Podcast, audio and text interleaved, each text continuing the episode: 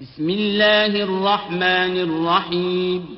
شروع اللہ کے نام سے جو بڑا مہربان نہایت رحم والا ہے اتا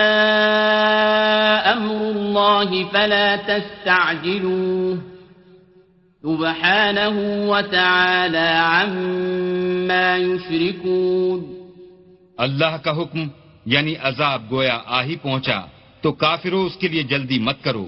لوگ جو اللہ کا شریک بناتے ہیں وہ اس سے پاک اور بالا تر ہے ينزل الملائكة بالروح من أمره على من يشاء من عباده أن أنذروا أنه لا إله إلا أنا فاتقون وہی فرشتوں کو پیغام دے کر اپنے حکم سے اپنے بندوں میں سے جس کے پاس چاہتا ہے بھیجتا ہے کہ لوگوں کو بتا دو کہ میرے سوا کوئی معبود نہیں تو مجھے سے ڈرو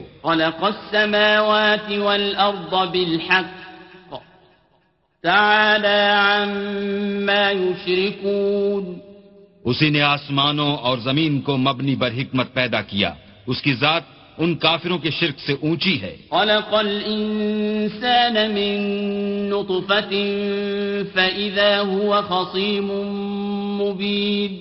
اسی نے انسان کو نطفے سے بنایا مگر وہ اس خالق کے بارے میں اعلانیہ جھگڑنے لگا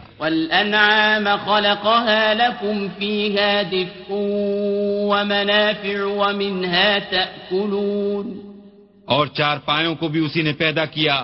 ان میں تمہارے لیے جڑاول اور بہت سے فائدے ہیں اور ان میں سے بعض کو تم کھاتے بھی ہو وَلَكُمْ فِيهَا جَمَالٌ حِينَ تُرِيحُونَ وَحِينَ تَسْرَحُونَ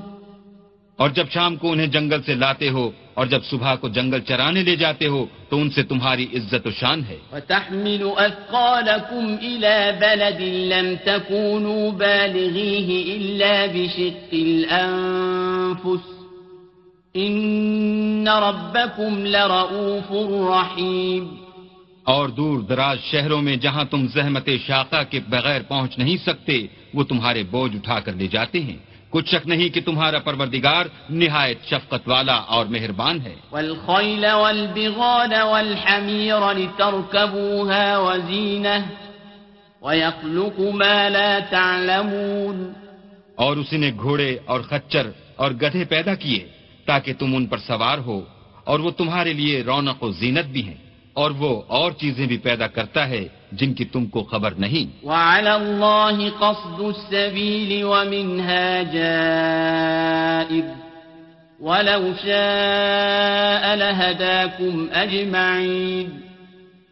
اور سیدھا رستہ تو اللہ تک جا پہنچتا ہے اور بعض رستے ٹیڑے ہیں وہ اس تک نہیں پہنچتے اور اگر وہ چاہتا تو تم سب کو سیدھے رستے پر چلا دیتا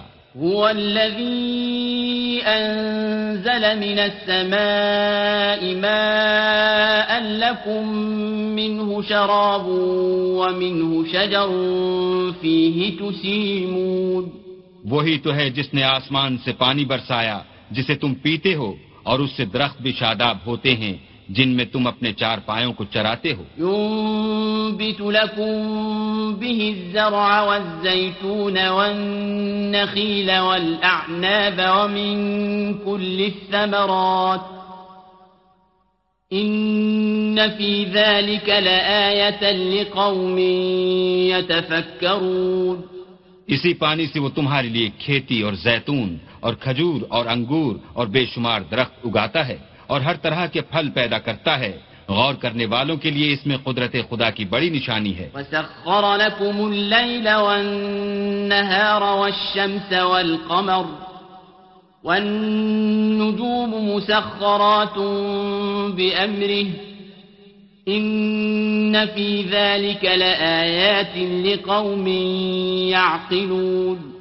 اور اسی نے تمہارے لیے رات اور دن اور سورج اور چاند کو کام میں لگایا اور اسی کے حکم سے ستارے بھی کام میں لگے ہوئے ہیں سمجھنے والوں کے لیے اس میں قدرت خدا کی بہت سی نشانیاں ہیں وما ذرأ لكم في في مختلفا ذلك لآية لقوم يذكرون اور جو طرح طرح کے رنگوں کی چیزیں اس نے زمین میں پیدا کی سب تمہارے زیر فرمان کر دیں نصیحت پکڑنے والوں کے لیے اس میں نشانی ہے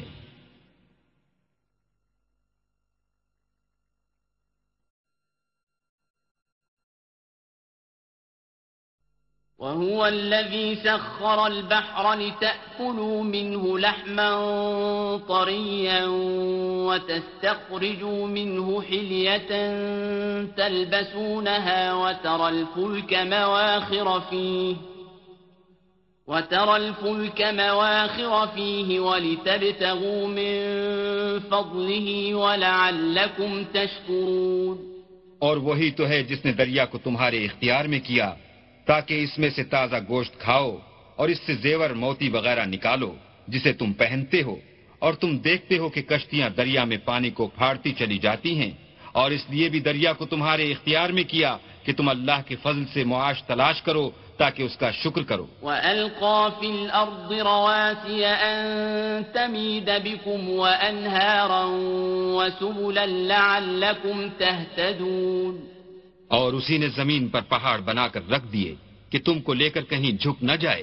اور نہریں اور رستے بنا دیے تاکہ ایک مقام سے دوسرے مقام تک آسانی سے جا سکو وعلامات وبالنجم هم يهتدون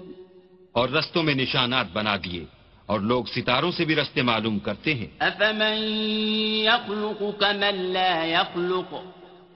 افلا تذكرون تو جو اتنی مخلوقات پیدا کرے کیا وہ ویسا ہے جو کچھ بھی پیدا نہ کر سکے تو پھر تم غور کیوں نہیں کرتے وَإِن تَعُدُّوا نِعْمَةَ اللَّهِ لَا تُحْصُوهَا إِنَّ اللَّهَ لَغَفُورٌ رَّحِيمٌ اور اگر تم اللہ کی نعمتوں کو شمار کرنا چاہو تو گن نہ سکو بے شک اللہ بخشنے والا مہربان ہے واللہ يعلم ما تسرون وما تعلنون اور جو کچھ تم چھپاتے اور جو کچھ ظاہر کرتے ہو سب سے اللہ واقف ہے والذین يدعون من دون اللہ لا يخلقون يخلقون شيئا وهم اور جن لوگوں کو یہ اللہ کے سوا پکارتے ہیں وہ کوئی چیز بھی تو نہیں بنا سکتے بلکہ خود ان کو اور بناتے ہیں اموات احیاء وما يشعرون ایان يبعثون وہ لاشیں ہیں بے جان ان کو یہ بھی تو معلوم نہیں کہ اٹھائے کب جائیں گے واحد فالذین لا یؤمنون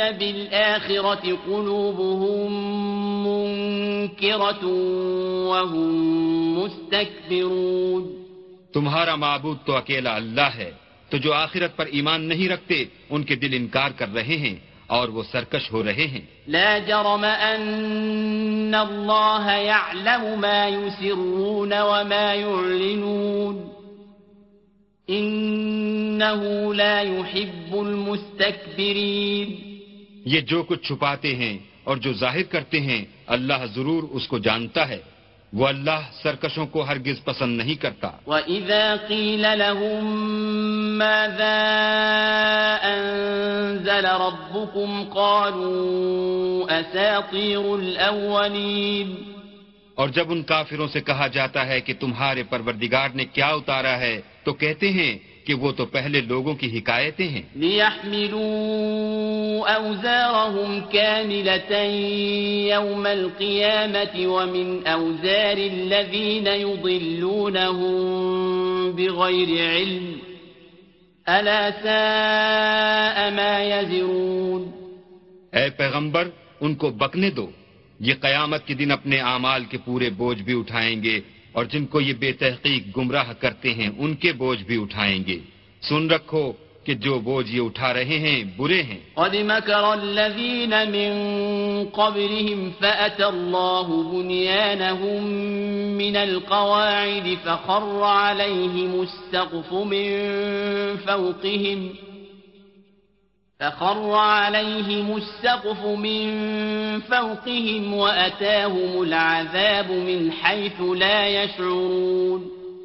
سے پہلے لوگوں نے بھی ایسی ہی مکاریاں کی تھیں تو اللہ کا حکم ان کی عمارت کے ستونوں پر آ پہنچا اور چھت ان پر ان کے اوپر سے گر پڑی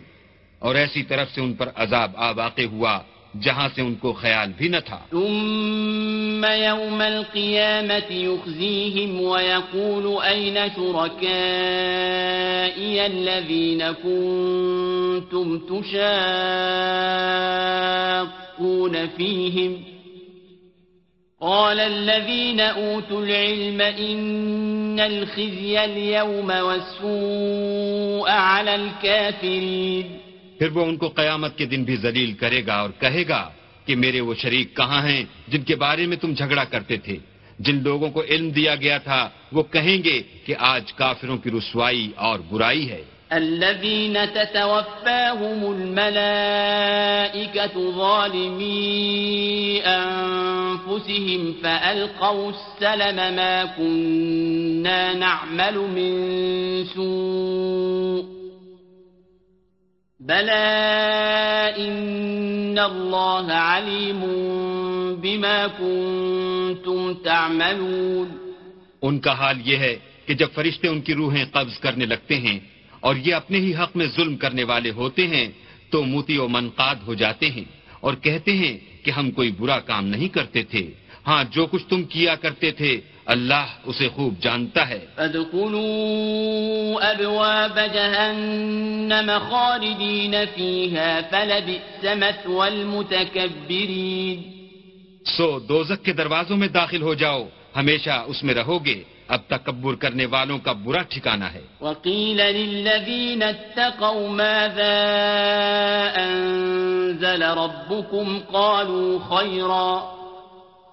للذين أحسنوا في هذه الدنيا حسنة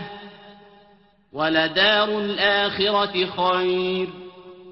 ولنعم دار المتقين اور جب پرہیزگاروں سے پوچھا جاتا ہے کہ تمہارے پروردگار نے کیا نازل کیا ہے تو کہتے ہیں کہ بہترین کلام جو لوگ نیکوکار ہیں ان کے لیے اس دنیا میں بھی بھلائی ہے اور آخرت کا گھر تو بہت ہی اچھا ہے اور پرہیزگاروں کا گھر بہت خوب ہے جنات عدن يدخلونها تجري من تحتها الأنهار لهم فيها ما يشاءون كذلك يجزي الله المتقين وہ بہشت جاویدانی ہیں جن میں وہ داخل ہوں گے ان کے نیچے نہریں بہ رہی ہیں وہاں جو چاہیں گے ان کے لیے میسر ہوگا اللہ پرہیزگاروں کو ایسا ہی بدلہ دیتا ہے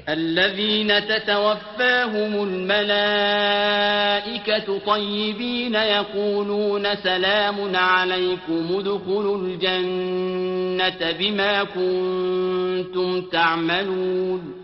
ان کی کیفیت یہ ہے کہ جب فرشتے ان کی جانیں نکالنے لگتے ہیں اور یہ کفر و شرک سے پاک ہوتے ہیں تو سلام علیکم کہتے ہیں और कहते हैं कि जो अमल तुम किया करते थे उनके बदले में बहिश्त में दाखिल हो जाओ هل ينظرون إلا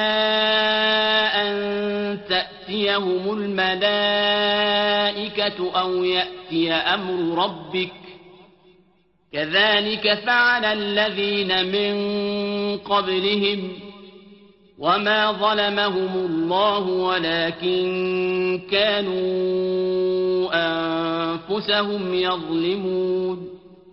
یہ کافر اس بات کے منتظر ہیں کہ فرشتے ان کے پاس جان نکالنے آئیں یا تمہارے پروردگار کا حکم عذاب آ پہنچے اسی طرح ان لوگوں نے کیا تھا جو ان سے پہلے تھے اور اللہ نے ان پر ظلم نہیں کیا بلکہ وہ خود اپنے آپ پر ظلم کرتے تھے فأصابهم سيئات ما عملوا وحاق بهم ما كانوا به يستهزئون تو ان کو ان کے اعمال کے برے بدلے ملے اور جس چیز کے ساتھ وہ ٹھٹھے کیا کرتے تھے اس نے ان کو ہر طرف سے گھیر لیا وقال الذين أشركوا لو شاء الله ما عبدنا من دونه من شيء نحن ولا آباؤنا ولا حرمنا ولا حرمنا من دونه من شيء كذلك فعل الذين من قبلهم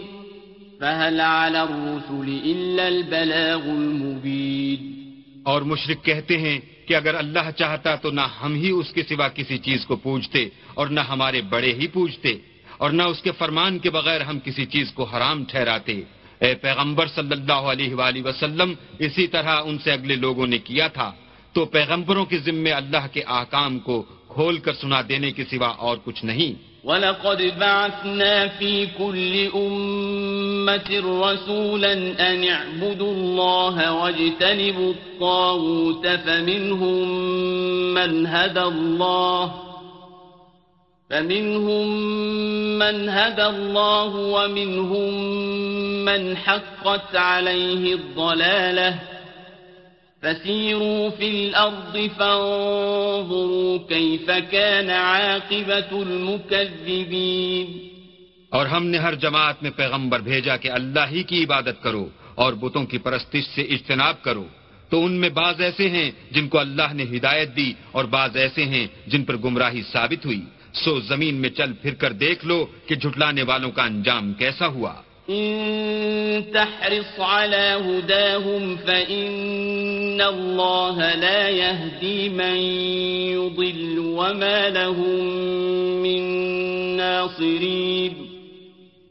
ان کفار کی ہدایت کے لیے للچاؤ تو جس کو اللہ گمراہ کر دیتا ہے اس کو وہ ہدایت نہیں دیا کرتا اور ایسے لوگوں کا کوئی مددگار بھی نہیں ہوتا وَأَقْسَمُوا بِاللَّهِ جَهْدَ أَيْمَانِهِمْ لَا يَبْعَثُ اللَّهُ مَنْ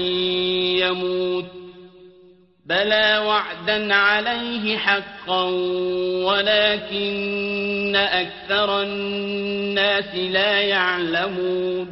اور یہ اللہ کی سخت سخت قسمیں کھاتے ہیں کہ جو مر جاتا ہے اللہ اسے قیامت کے دن قبر سے نہیں اٹھائے گا ہرگز نہیں یہ اللہ کا وعدہ سچا ہے اور اس کا پورا کرنا اسے ضرور ہے لیکن اکثر لوگ نہیں جانتے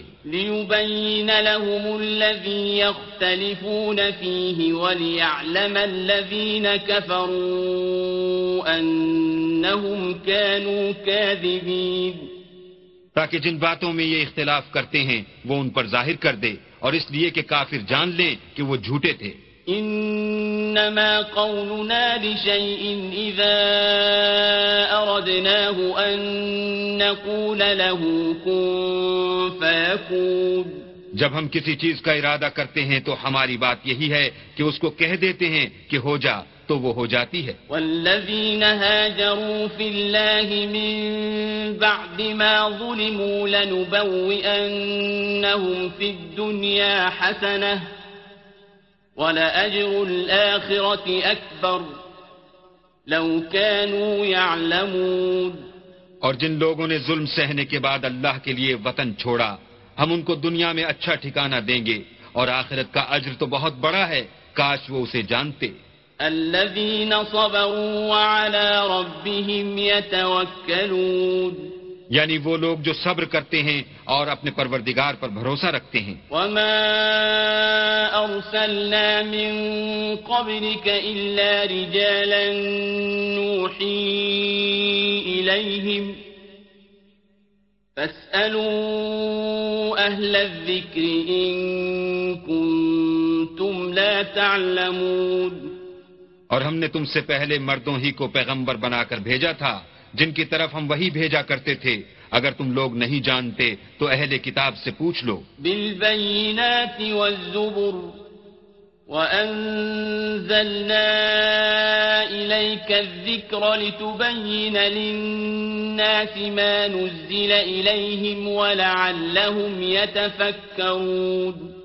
اور ان پیغمبروں کو دلیلیں اور کتابیں دے کر بھیجا تھا اور ہم نے تم پر بھی یہ کتاب نازل کی ہے تاکہ جو ارشادات لوگوں پر نازل ہوئے ہیں وہ ان پر ظاہر کر دو اور تاکہ وہ غور کریں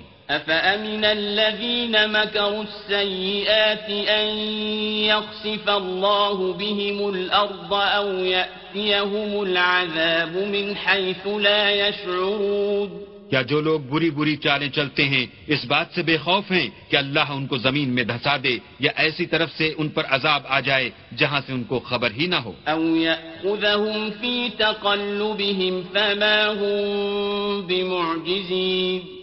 یا ان کو چلتے پھرتے پکڑ دے وہ اللہ کو آجز نہیں کر سکتے او تخوف فإن لرؤوف یا جب ان کو عذاب کا ڈر پیدا ہو گیا ہو تو ان کو پکڑ لے بے شک تمہارا پروردگار بہت شفقت کرنے والا اور مہربان ہے يروا ما خلق الله من شيء يتفيأ ظلاله عن اليمين والشمائل سجدا لله وهم داخرون کیا ان لوگوں نے اللہ کی مخلوقات میں سے ایسی چیزیں نہیں دیکھی جن کے سائے دائیں سے بائیں کو اور بائیں سے دائیں کو لوٹتے رہتے ہیں یعنی اللہ کے آگے آجز ہو کر سجدے میں پڑے رہتے ہیں وَلِلَّهِ يَسْجُدُ مَا فِي السَّمَاوَاتِ وَمَا فِي الْأَرْضِ مِن دَابَّةٍ وَالْمَلَائِكَةُ وَهُمْ لَا يَسْتَكْبِرُونَ اور تمام جاندار جو آسمانوں میں ہیں اور جو زمین میں ہیں سب اللہ کے آگے سجدہ کرتے ہیں اور فرشتے بھی اور وہ ذرا غرور نہیں کرتے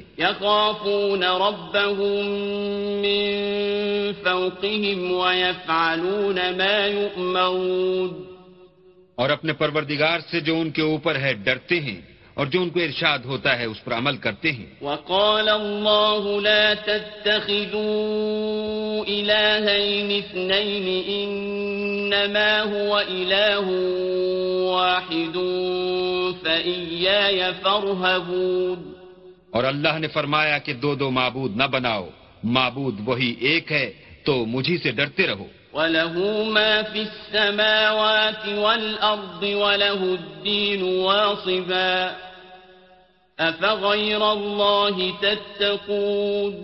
اور جو کچھ آسمانوں میں اور جو کچھ زمین میں ہے سب اسی کا ہے اور اسی کی عبادت لازم ہے تو تم اللہ کے سوا اوروں سے کیوں ڈرتے ہو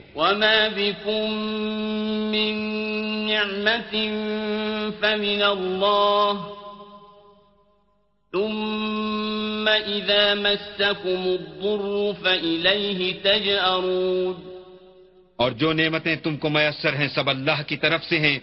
پھر جب تم کو کوئی تکلیف پہنچتی ہے تو اسی کے آگے چلاتے ہو ثم كشف الضر عنكم فريق منكم بربهم يشركون پھر جب وہ تم سے تکلیف کو دور کر دیتا ہے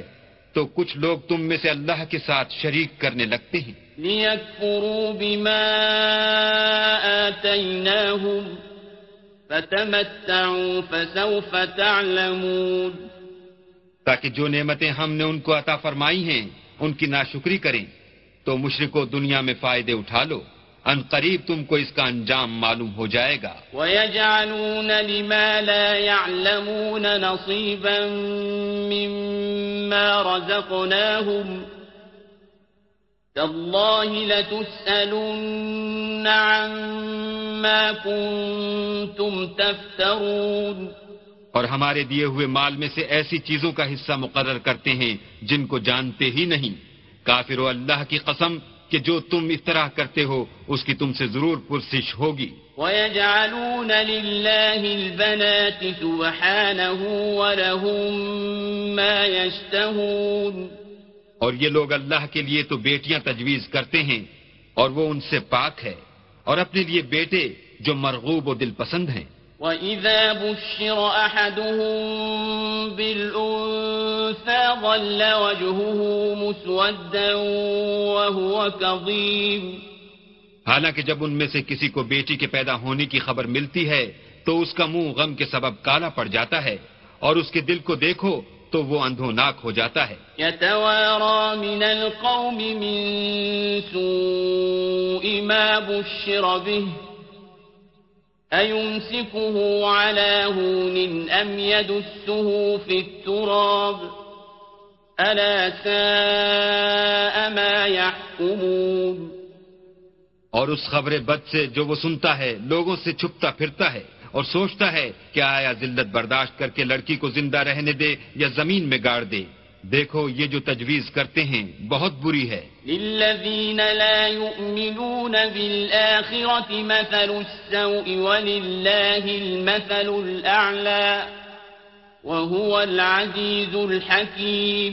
جو لوگ آخرت پر ایمان نہیں رکھتے انہی کے لیے بری باتیں شایا ہیں اور اللہ کو صفت اعلیٰ زیب دیتی ہے اور وہ غالب حکمت والا ہے وَلَوْ يُؤَاخِذُ اللَّهُ النَّاسَ بِظُلْمِهِمْ مَا تَرَكَ عَلَيْهَا مِنْ دَابَّةٍ وَلَكِنْ يُؤَخِّرُهُمْ ولكن يؤخرهم إلى أجل مسمى فَإِذَا جَاءَ أَجَلُهُمْ لَا يَسْتَأْخِرُونَ سَاعَةً وَلَا يَسْتَقْدِمُونَ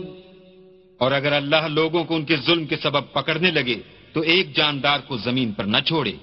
لیکن ان کو ایک وقت مقرر تک مہلت دیے جاتا ہے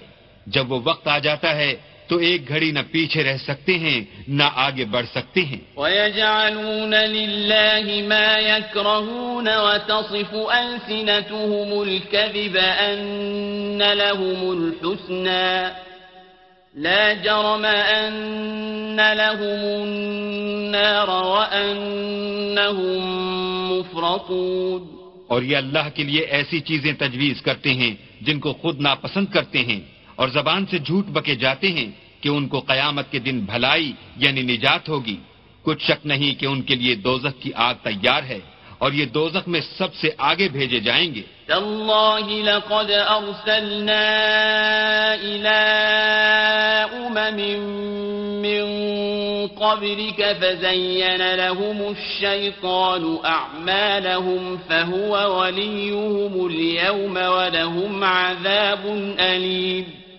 اللہ کی قسم ہم نے تم سے پہلی امتوں کی طرف بھی پیغمبر بھیجے تو شیطان نے ان کے کردار ناشائستہ ان کو آراستہ کر دکھائے تو آج بھی وہی ان کا دوست ہے اور ان کے لیے عذاب علیم ہے وما انزلنا عليك الكتاب الا لتبين لهم الذي اختلفوا فيه وهدى لقوم يؤمنون اور ہم نے جو تم پر کتاب نازل کی ہے تو اس کے لیے کہ جس امر میں ان لوگوں کو اختلاف ہے تم اس کا فیصلہ کر دو اور یہ مومنوں کے لیے ہدایت اور رحمت ہے والله من السماء ماء به بعد موتها ان في ذلك لآية لقوم يسمعون اور اللہ ہی نے آسمان سے پانی برسایا پھر اس سے زمین کو اس کے مرنے کے بعد زندہ کیا بے شک اس میں سننے والوں کے لیے نشانی ہے وَإِنَّ لَكُمْ فِي الْأَنْعَامِ لَعِبْرَةِ نسقيكم مما في بطونه من بين فرث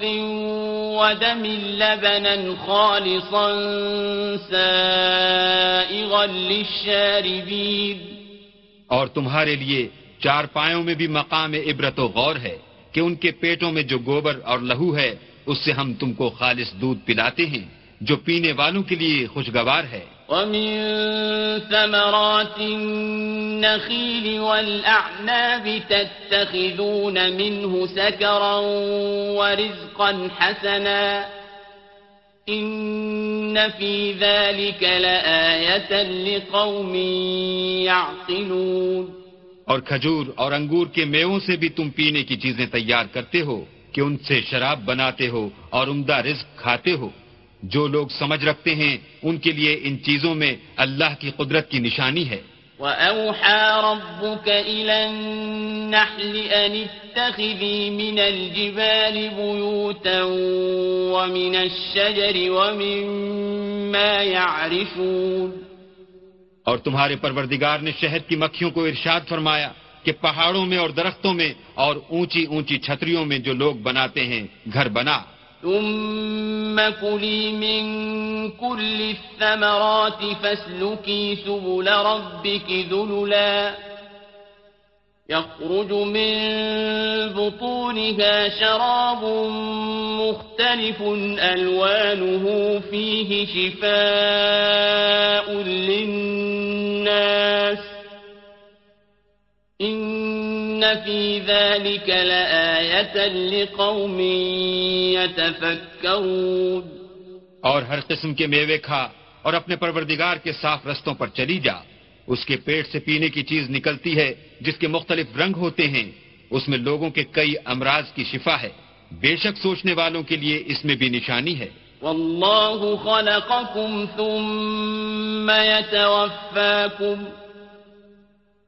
ومنكم من يرد إلى أرذل العمر كي لا يعلم بعد علم شيئا ان اللہ علیم قدیر اور اللہ ہی نے تم کو پیدا کیا پھر وہی تم کو موت دیتا ہے اور تم میں بعض ایسے ہوتے ہیں کہ نہایت خراب عمر کو پہنچ جاتے ہیں اور بہت کچھ جاننے کے بعد ہر چیز سے بے علم ہو جاتے ہیں بے شک اللہ سب کچھ جاننے والا اور قدرت والا ہے والله فضل بعضكم على على بعض في الرزق فما الذين فضلوا براد رزقهم ما ملكت أيمانهم فهم فيه سواء اور اللہ نے رزق و دولت میں بعض کو بعض پر فضیلت دی ہے تو جن لوگوں کو فضیلت دی ہے وہ اپنا رزق اپنے مملوکوں کو تو دے ڈالنے والے ہیں نہیں کہ سب اس میں برابر ہو جائیں تو کیا یہ لوگ نعمت الہی کے منکر ہیں واللہ جعل لكم من انفسكم ازواجا وجعل لكم من ازواجكم بنين وحفده وجعل لكم من أزواجكم بنين وحفدة ورزقكم من الطيبات اور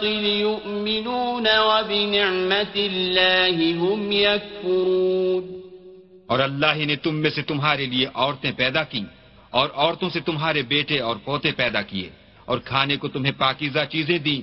تو کیا بے اصل چیزوں پر اعتقاد رکھتے اور اللہ کی نعمتوں سے انکار کرتے ہیں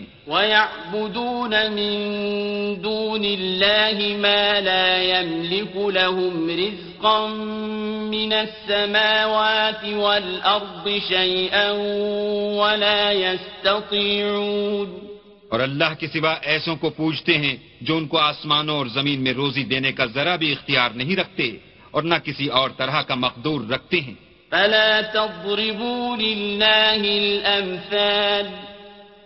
إن الله يعلم وأنتم لا تعلمون تو لوگو اللہ کے بارے میں غلط مثالیں نہ بناؤ صحیح مثالوں کا طریقہ اللہ ہی جانتا ہے اور تم نہیں جانتے ضرب الله مثلا عبدا مملوكا لا يقدر على شيء ومن رزقناه منا رزقا حسنا فهو ينفق منه سرا وجهرا هل يستوون الحمد لله بل اکثرهم لا يعلمون اللہ ایک اور مثال بیان فرماتا ہے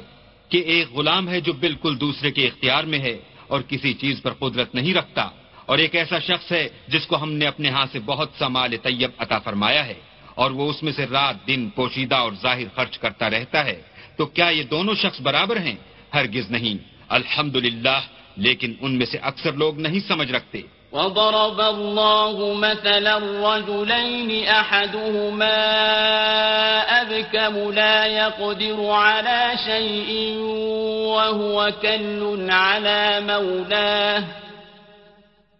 وهو كل على مولاه أينما يوجهه لا يأت بخير هل يستوي هو ومن يأمر بالعدل وهو على صراط مستقيم اور اللہ ایک اور مثال بیان فرماتا ہے کہ دو آدمی ہیں ایک ان میں سے گونگا اور دوسرے کی ملک ہے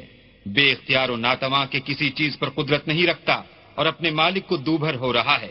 وہ جہاں اسے بھیجتا ہے خیر سے کبھی بھلائی نہیں لاتا کیا ایسا گونگا بہرا اور وہ شخص جو سنتا بولتا اور لوگوں کو انصاف کرنے کا حکم دیتا ہے اور خود سیدھے رستے پر چل رہا ہے دونوں برابر ہیں وَلِلَّهِ غَيْبُ السَّمَاوَاتِ وَالْأَرْضِ وَمَا أَمْرُ السَّاعَةِ إِلَّا كَلَمْحِ الْبَصَرِ أَوْ هُوَ أَقْرَبِ إِنَّ اللَّهَ عَلَى كُلِّ شَيْءٍ قَدِيرٍ اور آسمان اور زمین کا علم اللہ ہی کو ہے اور اللہ کے نزدیک قیامت کا آنا یوں ہے جیسے آنکھ کا جھپکنا بلکہ اس سے بھی جلد تر کچھ شک نہیں کہ اللہ ہر چیز پر قادر ہے والله أخرجكم من بطون أمهاتكم لا تعلمون شيئا وجعل لكم السمع والأبصار والأفئدة لعلكم تشكرون اور اللہ ہی نے تم کو تمہاری ماؤں کے شکم سے پیدا کیا کہ تم کچھ نہیں جانتے تھے اور اس نے تم کو کان اور آنکھیں اور دل اور ان کے علاوہ اور آزا بخشے تاکہ تم شکر کرو الم يروا الى الطير مسخرات في جو السماء ما يمسكهن الا الله ان في ذلك لايات لقوم يؤمنون کیا ان لوگوں نے پرندوں کو نہیں دیکھا کہ آسمان کی ہوا میں گھرے ہوئے اڑتے رہتے ہیں ان کو اللہ ہی تھامے رکھتا ہے ایمان والوں کے لیے اس میں بہت سی نشانیاں ہیں واللہ جعل لَكُم من بُيُوتِكُمْ سَكَنًا وجعل لَكُم من جلود الانعام بُيُوتًا تستخفونها يَوْمَ ظَعْنِكُمْ وَيَوْمَ إِقَامَتِكُمْ وجعل لكم من جلود الأنعام بيوتا تستخفونها يوم ظعنكم ويوم إقامتكم ومن أصوافها وأوبارها وأشعارها أثاثا ومتاعا إلى حين اور اللہ نے تمہارے لیے گھروں کو رہنے کی جگہ بنایا اور اس نے چوپاوں کی کھالوں سے تمہارے لیے ڈیرے بنائے جن کو تم سبک دیکھ کر سفر اور حضر میں کام میں لاتے ہو اور ان کی اون اور پشم اور بالوں سے تم اسباب اور برتنے کی چیزیں بناتے ہو جو مدت تک کام دیتی ہیں والله جعل لكم مما خلق ظلالا وجعل لكم من الجبال أكنانا وجعل لكم سرابيل تقيكم الحر وسرابيل تقيكم بأسكم ۖ اور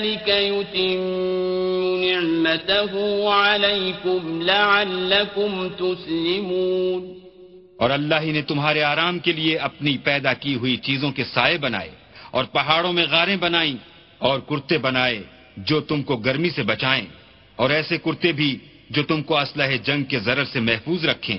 اسی طرح اللہ اپنا احسان تم پر پورا کرتا ہے تاکہ تم فرما بردار بنو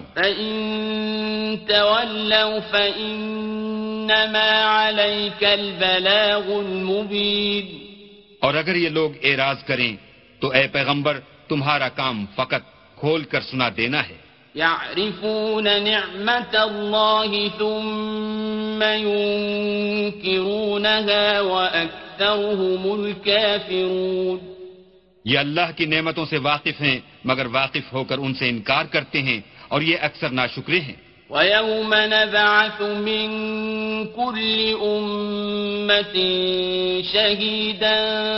ثُمَّ لَا يُؤْذَنُ لِلَّذِينَ كَفَرُوا وَلَا هُمْ يُسْتَعْتَبُونَ اور جس دن ہم ہر امت میں سے گواہ یعنی پیغمبر کھڑا کر دیں گے تو نہ تو کفار کو بولنے کی اجازت ملے گی اور نہ ان کے عذر قبول کیے جائیں گے وَإِذَا رَأَ الَّذِينَ ظَلَمُوا الْعَذَابَ فَلَا يُخَفَّفُ عَنْهُمْ وَلَا هُمْ يُنظَرُونَ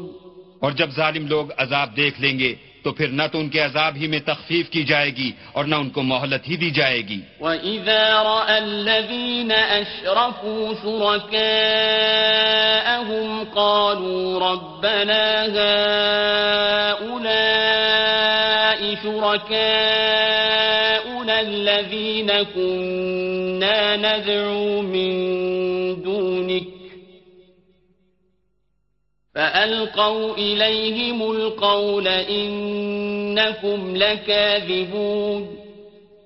جب مشرق اپنے بنائے ہوئے شریکوں کو دیکھیں گے تو کہیں گے کہ پروردگار یہ وہی ہمارے شریک ہیں جن کو ہم تیرے سوا پکارا کرتے تھے تو وہ ان کے کلام کو مسترد کر دیں گے اور ان سے کہیں گے کہ تم تو جھوٹے ہو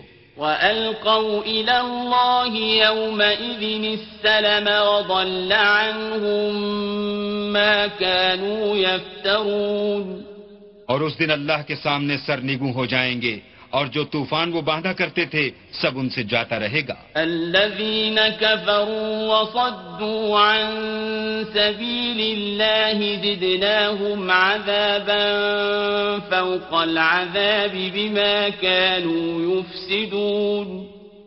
جن لوگوں نے کفر کیا اور لوگوں کو اللہ کے رستے سے روکا ہم ان کو عذاب پر عذاب دیں گے لیے کہ شرارت کیا کرتے تھے وَيَوْمَ نَبْعَثُ فِي كُلِّ أُمَّةٍ شَهِيدًا عَلَيْهِمْ مِنْ أَنْفُسِهِمْ وَجِئْنَا بِكَ شَهِيدًا عَلَى هَؤُلَاءِ اور اس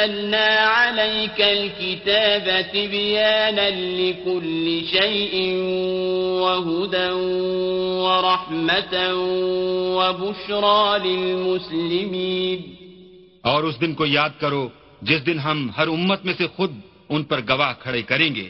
اور اے پیغمبر تم کو ان لوگوں پر گواہ لائیں گے اور ہم نے تم پر ایسی کتاب نازل کی ہے کہ اس میں ہر چیز کا بیان مفصل ہے اور مسلمانوں کے لیے ہدایت اور رحمت اور بشارت ہے إن الله يأمر بالعدل والإحسان وإيتاء ذي القربى وينهى عن الفحشاء والمنكر والبغي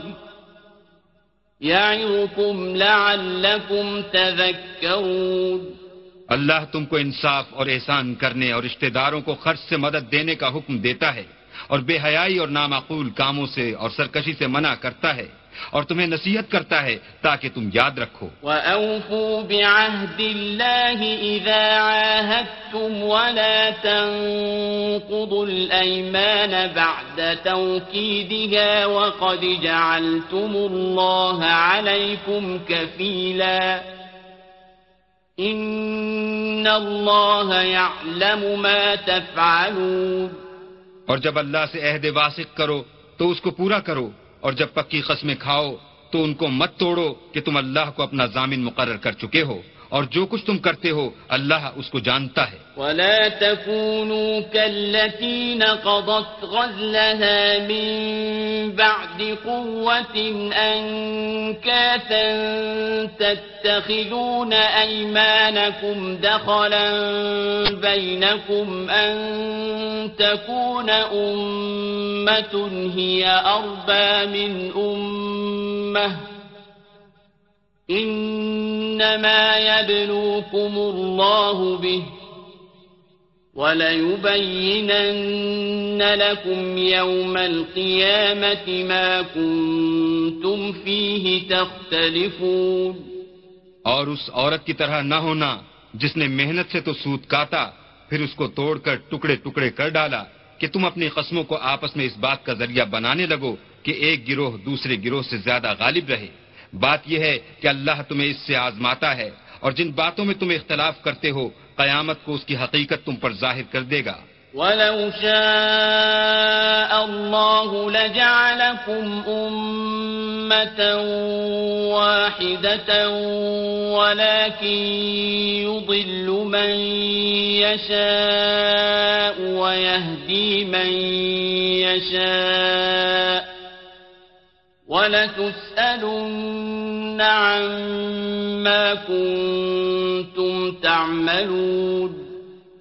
اللہ چاہتا تو تم سب کو ایک ہی جماعت بنا دیتا لیکن وہ جسے چاہتا ہے گمراہ کرتا ہے اور جسے چاہتا ہے ہدایت دیتا ہے اور جو عمل تم کرتے ہو اس دن ان کے بارے میں تم سے ضرور پوچھا جائے گا وَلَا أيمانكم دخلا بينكم فتزل قدم بعد ثبوتها وتذوق السوء بما صددتم عن سبيل الله وتذوقوا السوء بما صددتم عن سبيل الله ولكم عذاب عظيم اور اپنی قسموں کو آپس میں اس بات کا ذریعہ نہ بناؤ کہ لوگوں کے قدم جم چکنے کے بعد لڑکھڑا جائیں اور اس وجہ سے کہ تم نے لوگوں کو اللہ کے رستے سے روکا تم کو عقوبت کا مزہ چکھنا پڑے اور بڑا سخت عذاب ملے ولا تشتروا بعهد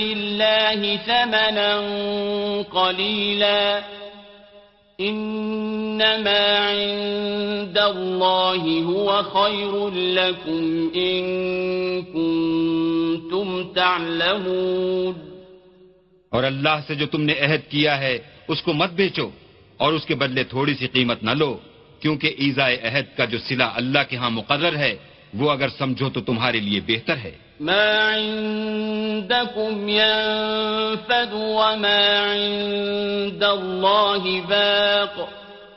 ولنجزين الذين صبروا أجرهم بأحسن ما كانوا يعملون جو کچھ تمہارے پاس ہے وہ ختم ہو جاتا ہے اور جو اللہ کے پاس ہے وہ باقی ہے کہ کبھی ختم نہیں ہوگا اور جن لوگوں نے صبر کیا ہم ان کو ان کے اعمال کا بہت اچھا بدلہ دیں گے من من عمل صالحا ذكر او انثى وهو مؤمن فلنحيينه حياة ہم فلنحيينه حياة طيبة ولنجزينهم أجرهم بأحسن ما كانوا يعملون جو شخص نیک اعمال کرے گا مرد ہو یا عورت اور وہ مومن بھی ہوگا تو ہم اس کو دنیا میں پاک اور آرام کی زندگی سے زندہ رکھیں گے اور آخرت میں ان کے اعمال کا نہایت اچھا سلا دیں گے فَإِذَا قَرَأْتَ الْقُرْآنَ فَاسْتَعِذْ بِاللَّهِ مِنَ الشَّيْطَانِ الرَّجِيمِ اور جب تم قرآن پڑھنے لگو تو شیطان مردود سے اللہ کی پناہ مانگ لیا کرو کہ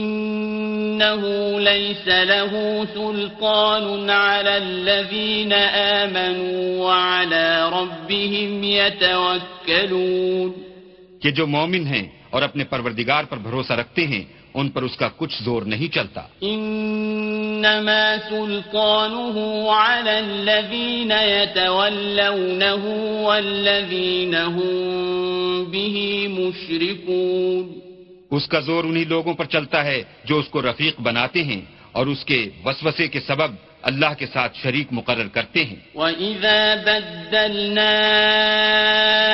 آیَةً مَكَانَ آیَةٍ وَاللَّهُ أَعْلَمُ بِمَا يُنَزِّلُ قَالُوا إِنَّمَا أَنْتَ مُفْتَرٌ بل اکثرهم لا يعلمون اور جب ہم کوئی آیت کسی آیت کی جگہ بدل دیتے ہیں اور اللہ جو کچھ نازل فرماتا ہے اسے خوب جانتا ہے تو کافر کہتے ہیں کہ تم تو یوں ہی اپنی طرف سے بنا لاتے ہو حقیقت یہ ہے کہ ان میں اکثر نادان ہیں ہے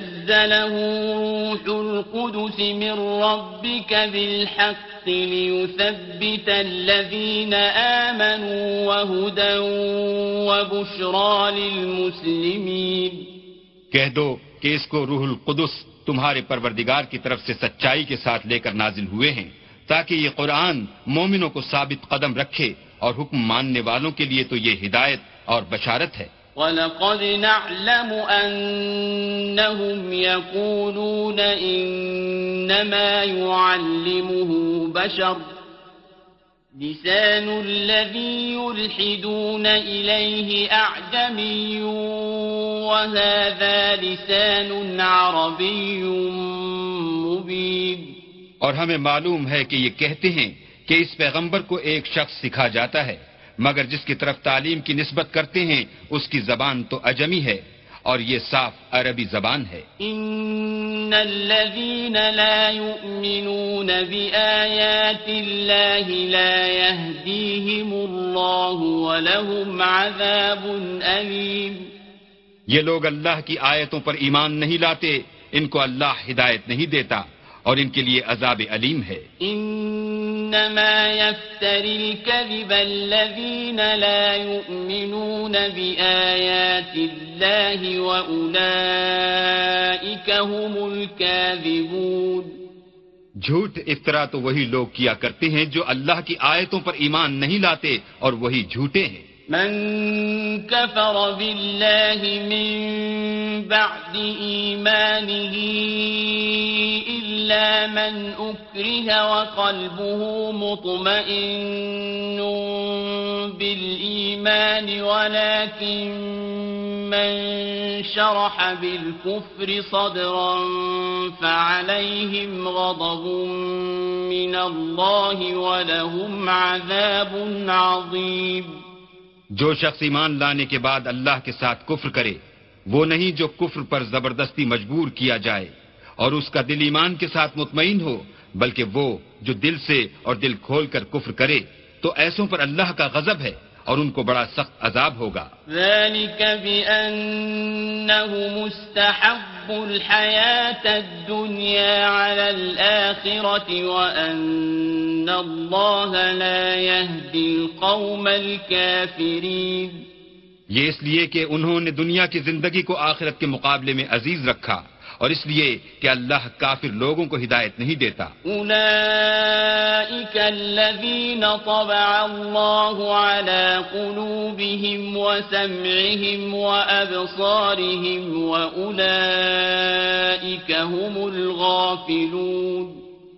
یہی لوگ ہیں جن کے دلوں پر اور کانوں پر اور آنکھوں پر اللہ نے مہر لگا رکھی ہے اور یہی غفلت میں پڑے ہوئے ہیں لا جرم انہم فی الاخرت ہم الخاسرون کچھ شک نہیں کہ آخرت میں خسارہ اٹھانے والے ہوں گے ثم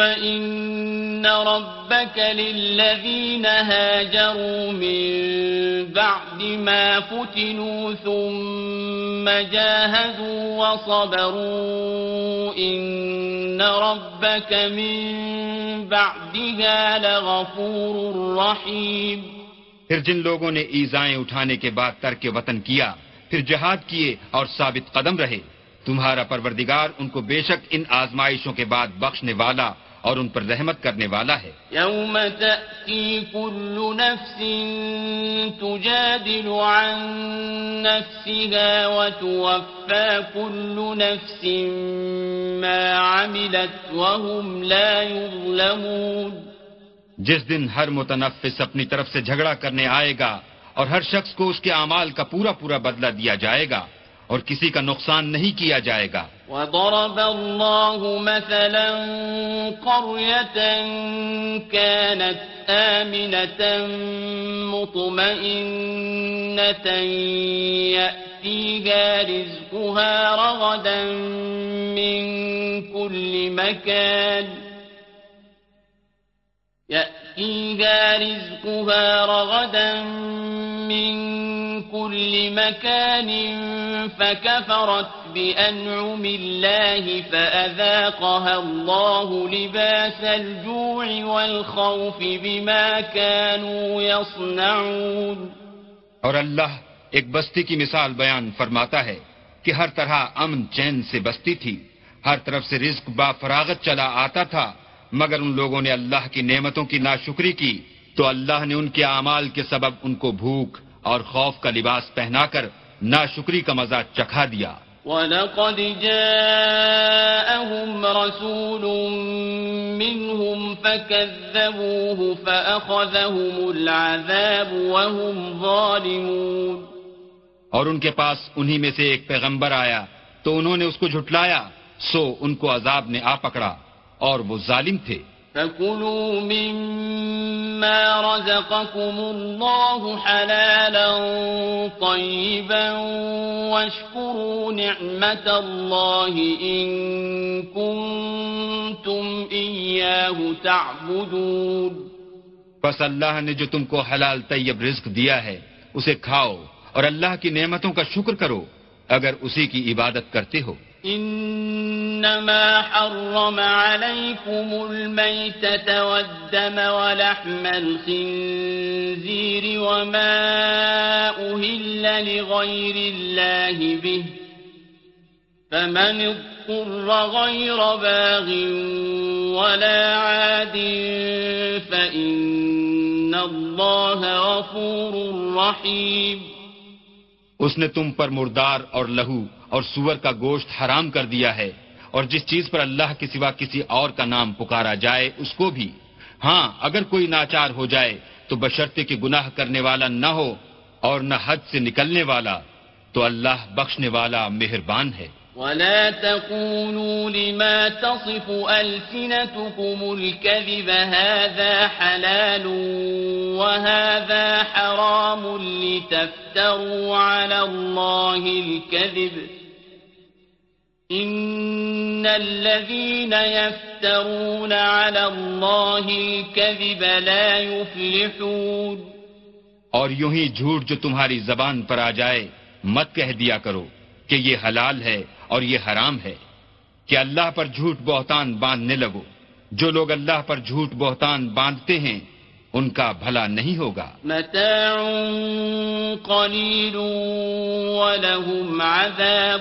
علیم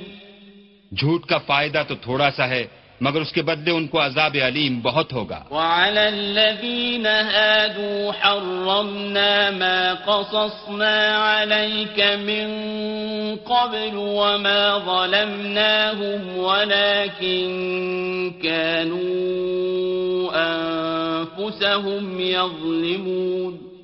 اور جو چیزیں ہم تم سے پہلے بیان کر چکے ہیں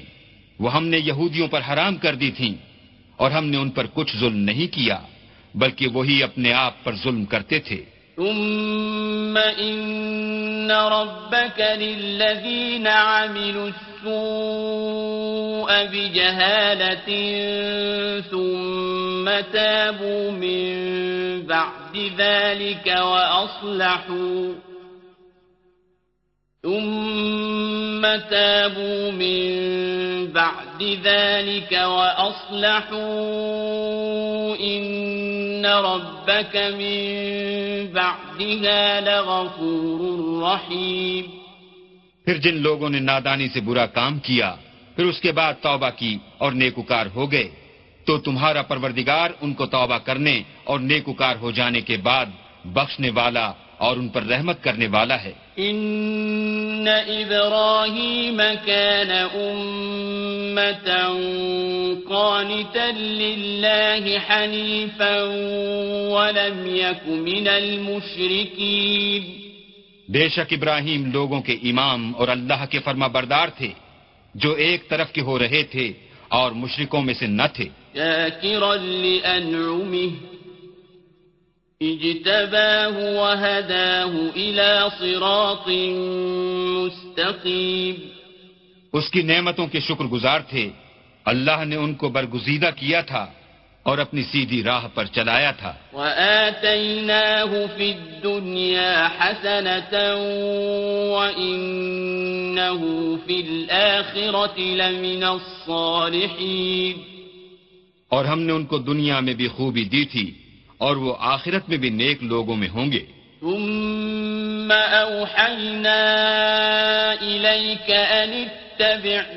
اتبع وما كان من المشرکین پھر ہم نے تمہاری طرف وہی بھیجی کہ دین ابراہیم کی پیروی اختیار کرو جو ایک طرف کے ہو رہے تھے اور مشرکوں میں سے نہ تھے إنما جعل السبت على الذين اختلفوا فيه وإن ربك ليحكم بينهم يوم القيامة فيما كانوا فيه يختلفون دن تو انہی لوگوں کے लोगों مقرر کیا گیا تھا جنہوں نے اس میں اختلاف کیا اور تمہارا پروردگار قیامت کے دن باتوں کا فیصلہ کر دے گا جن میں وہ اختلاف کرتے تھے ادع إلى سبيل ربك بالحكمة والموعظة الحسنة وجادلهم بالتي هي أحسن إن اے